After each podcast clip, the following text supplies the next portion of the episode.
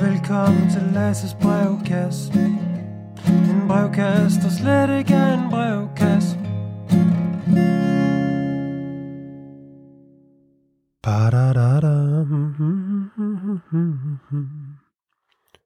Halløjsovs og velkommen til Lasses brevkasse. Du lytter til en brevkasse, der slet ikke er en brevkasse. Jeg hedder Lasse Peter Laursen, og jeg er 39 år gammel. 39 lange og lyse danske somre. I dag fortsætter vi historien om mit eget mønsterbrud, eller hvad vi nu skal kalde det. På svensk hedder en mønsterbryder et mælkebøttebarn. Det specielle ved mælkebøtten er, at den kan vokse og blomstre under selv de vanskeligste forhold. Den kan vokse op gennem asfalt. Mælkebøttebarnet har oddsene imod sig og står over for en vanskelig opgave med at bryde den negative sociale arv. Og bryder man den overhovedet, bare fordi man bliver mere veluddannet og mere velhavende end ens forældre. Første juledag 1997 ringer en af mine venner fra ungdomstilbuddet Laudrup Gård, hvor jeg nogle gange hænger ud efter skole. Min ven spørger, om jeg ikke vil med ud og køre i bil. Jeg er lidt forundret, for han er kun 17 år, og han har ikke selv nogen bil. Men han siger, at det nok skal blive sjovt, og han kan være hjemme hos mig om lidt. Trods min forundring, tænker jeg, at det lyder vel egentlig også meget fedt. Jeg er selv 15 år gammel. Min ven ankommer i en næsten helt ny sænket Ford Escort med store fælge. I bilen er der tre andre drenge fra det slæng, jeg er en del af. Jeg hopper ind på bagsædet, og så bliver der ellers kørt rådent. Hjulspind, håndbremsevendinger og vilde accelerationer. Det går naturligvis hverken værre eller bedre, end at vi bliver stoppet af politiet i et industrikvarter i fuld gang med en håndbremsevending. Der bliver tilkaldt flere politifolk til stedet, og vi bliver alle sammen kørt på Ballerup politistation, hvor vi ryger i hver vores celle. Det går ikke op for mig, før jeg bliver afhørt, at det her ikke bare handler om, at min ven ikke er gammel nok til at køre bil og har kørt uden kørekort. Nej, det handler om, at bilen, jeg er blevet hentet i, er meldt stjålet. Min far henter mig på Ballerup politistation, noget chokeret over, hvad hulen der lige skete på første juledag. Jeg kan huske, at min far stillede en masse spørgsmål, og jeg synes, det var synd for ham, at han skulle hente mig der. Det havde han ikke fortjent. Og jeg havde ondt af begge mine forældre, der nu skulle bruge tid på at mørklægge mine ugerninger midt i juledagen, hvor ingen naturligvis måtte få noget at vide om det, der var sket. Den dag i dag tror jeg ikke engang min søster ved, at jeg blev anholdt dengang. Det har simpelthen været mørklagt i 25 år. Hvorfor skulle det skjules? Jeg havde spillet Magic Kort længe og havde efterhånden fået mig en anstændig samling. Så anstændig, at jeg ved at sælge nogle af mine bedste kort kunne købe mig en knallert. En næsten ny Yamaha Jog. Den gav mig en kæmpe frihed. Jeg kunne nu selv køre til skole, til venner. Ja, jeg kørte faktisk bare hele tiden. Smørum var jo en by, jeg stort set ikke kendte. Både fordi vi lige var flyttet der til, men også fordi jeg ikke gik i skole der, og dermed havde min naturlige gang i byen. Men med den nye moped kunne jeg komme rundt i alle afkroge af byen, og det gjorde jeg. På den måde stødte jeg ind i de andre unge i byen, og der blev hurtigt skabt venskaber. Jeg blev en del af deres slæng på rekordtid. Sammen blæste vi rundt på de sindrige stisystemer i byen og havde en fest. Vi røg røde prins for Tipak og drak dansk pilsner fra Fakta. De nye venner introducerede mig for ungdomsklubben i byen, og det var et kæmpe hit. Unge fra hele byen samlet et sted. Der var 50-50 drenge og piger, og det var nemt at blive venner med pigerne også. Det havde jeg ikke prøvet før. Mine nørdede venner fra biblioteket var udelukkende drenge, og piger var ikke noget, vi rigtig talte om. Og mine venner fra Laudrup Gårdslænget var også udelukkende drenge, og vores forhold til piger var også ret nødtørftigt. Det var vist mest noget med at råbe efter dem på gaden, når vi kom farne forbi på en tunet knallert. I øvrigt begyndte jeg at ses mindre og mindre med de hårde negle fra Laudrup Gård og nørderne fra biblioteket. Det hele fadede ligesom lidt ud, fordi jeg begyndte at bruge mere og mere tid sammen med mine nye venner fra Spørgen. De facto skiftede jeg mine venner fra folkeskoleklassen, fra biblioteket og fra Laudrup Gård ud og faldt direkte ind blandt de unge i Smørum, der gik i skole sammen og havde kendt hinanden siden barndommen. Jeg var blevet lidt sådan en, der faldt ind i andres fællesskaber med en lethed og opførte mig, som om jeg altid havde været der. Mine forældre var stort set ikke sammen mere. Min far kom enten hjem meget sent, eller slet ikke. Hvor han var, når han var væk om natten, vidste vi ikke. Min mors frustration og fortvivlelse over min fars fravær blev større og større. Så snart min far trådte ind ad døren, startede balladen, og det endte nu næsten altid med, at han vendte om på hælen og gik igen. Nogle gange tog han mig med ud, og så prøvede han at overbevise mig om, at det hele nok skulle gå, og at han godt vidste, at det var noget værre råd med ham og mor.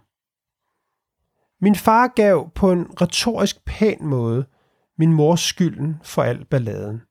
At min mor nærmest fejlede noget og var for jaloux, og at hun uanset hvad han gjorde, brokkede sig.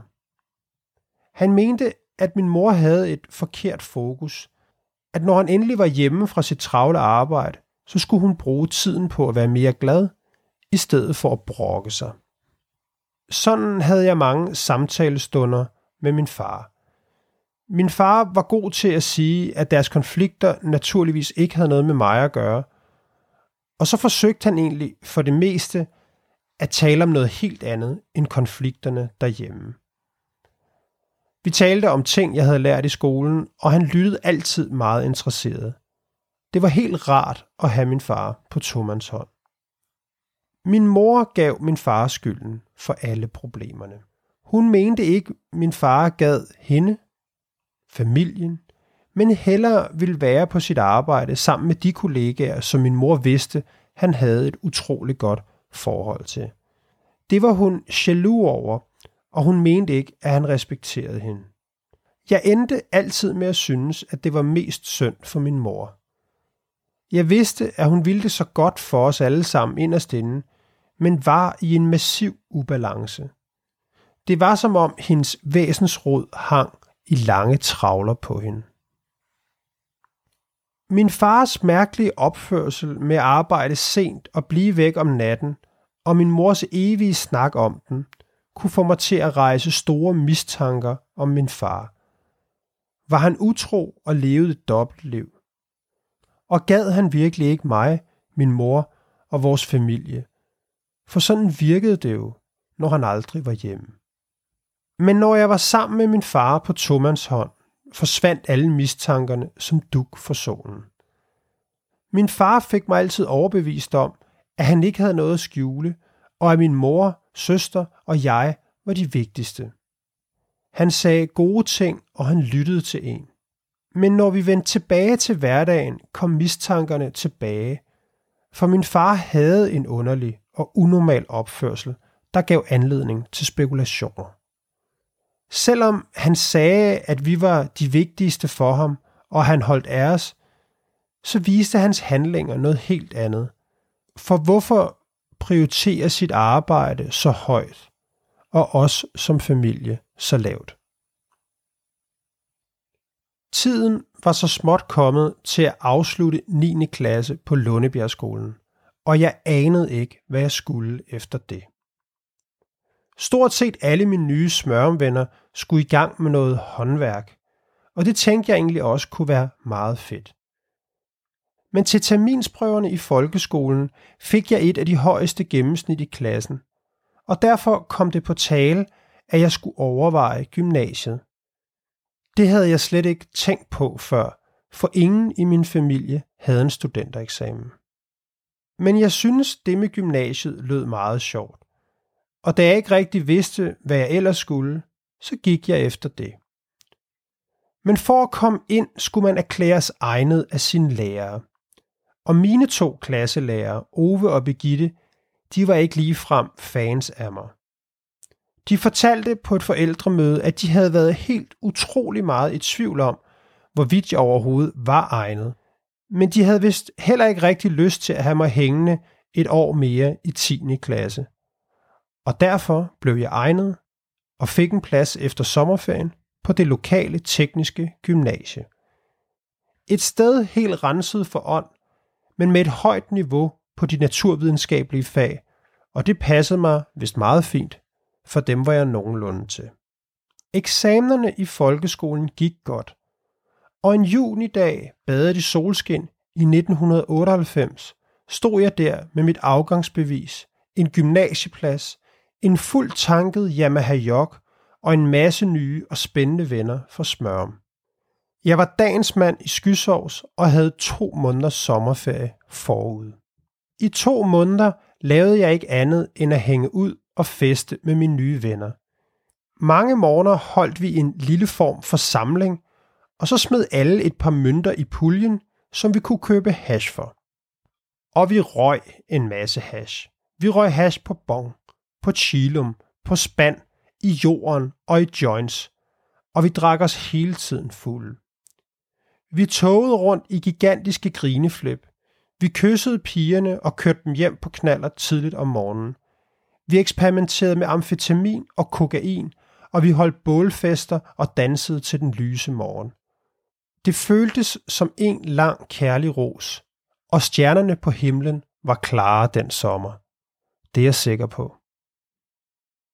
Jeg husker ikke en eneste konflikt med mine forældre i de måneder, for jeg var slet ikke hjemme.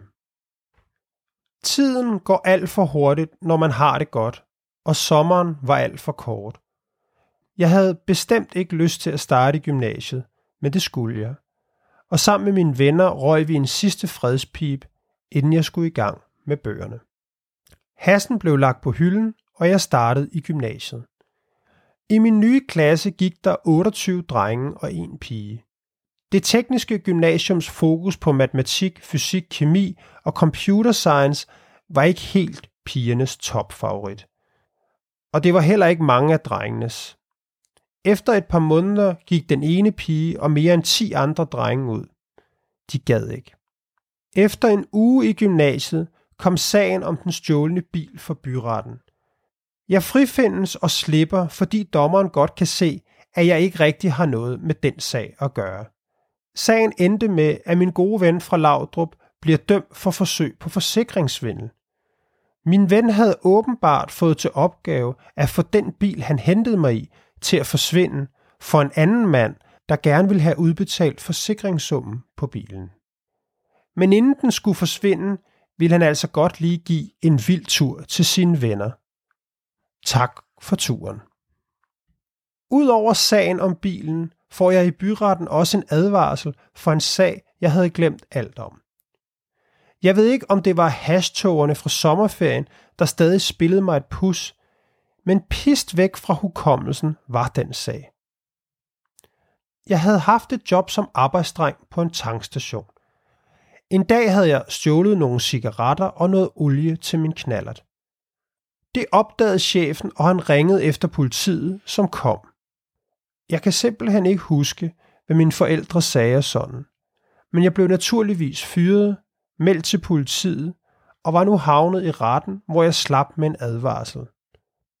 Jeg ved egentlig ikke, hvorfor det kun blev til en advarsel. Jeg havde jo tilstået, at det var mig, der havde gjort det. I 2G fik jeg et godt øje til en pige fra Smørum, der hed Jane. Hun var en del af det slæng, jeg gik med, men hun var ikke med så ofte.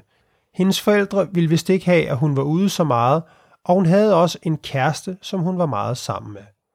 Men en aften på ungdomsskolen kom hun hen og fortalte, at hun var blevet single.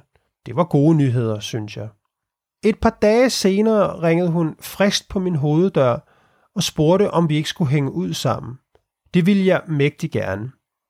Og sådan blev Jane og jeg kærester.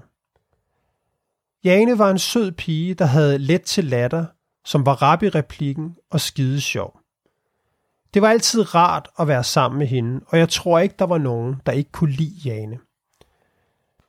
Vi var jo et slæng, hvor piger og drenge bare faldt ind i hinanden, så at sige. Ikke noget med dumme stereotype kønsforskelle der.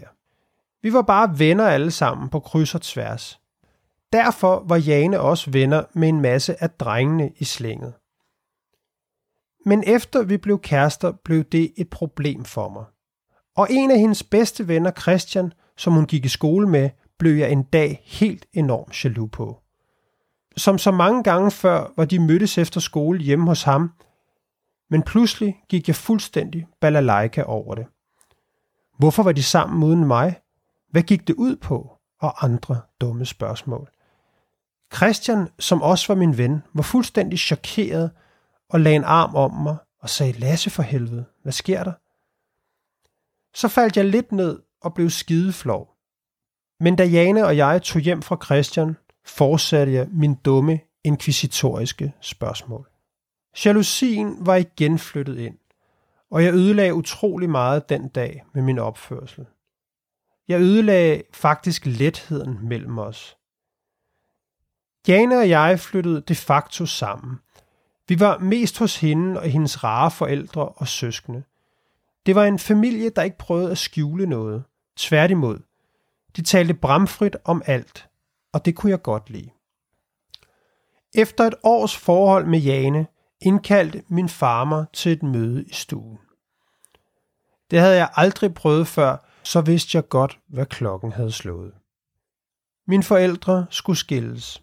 Min far talte om, at mor og far havde haft det dårligt længe, og det måtte de gøre noget ved. Og så havde han sådan lidt henkastet, og ikke at det havde noget med sagen at gøre, også fundet en anden kvinde fra sit arbejde. At mine forældre skulle skilles var i første omgang en stor lettelse. Men min mor var sønderknust over det, og anede ikke sin levende råd. Og min far, han flyttede bare. Han rejste og flyttede ind hos hende den nye dame i Farum fra den ene dag til den anden. Jane støttede mig. Hun slog vist min aggressive jalousi hen som en reaktion på skilsmissen, og hun fandt sig i alt, alt for meget. En gang kom jeg hjem fra en fest høj på amfetamin. Jeg råbte og skreg, at verden var imod mig. Jeg hamrede i hovedpuden og græd i flere timer, mens hun bare lå og æde og krammede mig. I det herrens år 2001 blev jeg den første student i familien. Hvad hulen skulle jeg nå? Ja, den historie, den må du have til gode til næste afsnit. Det er sådan blevet helt øh, julekalenderagtigt, det her. Vent til næste afsnit. Husk, at du kan følge mig på Instagram og Facebook, hvis du har lyst. Og tusind tak til jer, der skriver. Det er jeg helt utrolig glad for. Næste uge holder jeg nok lidt påskeferie, men hvis alt går vel, så løser vi ved om to ugers tid. Så er det slut med Lasses brevkasse. En brevkasse, der slet ikke var en brevkasse. Jeg håber, vi ses igen.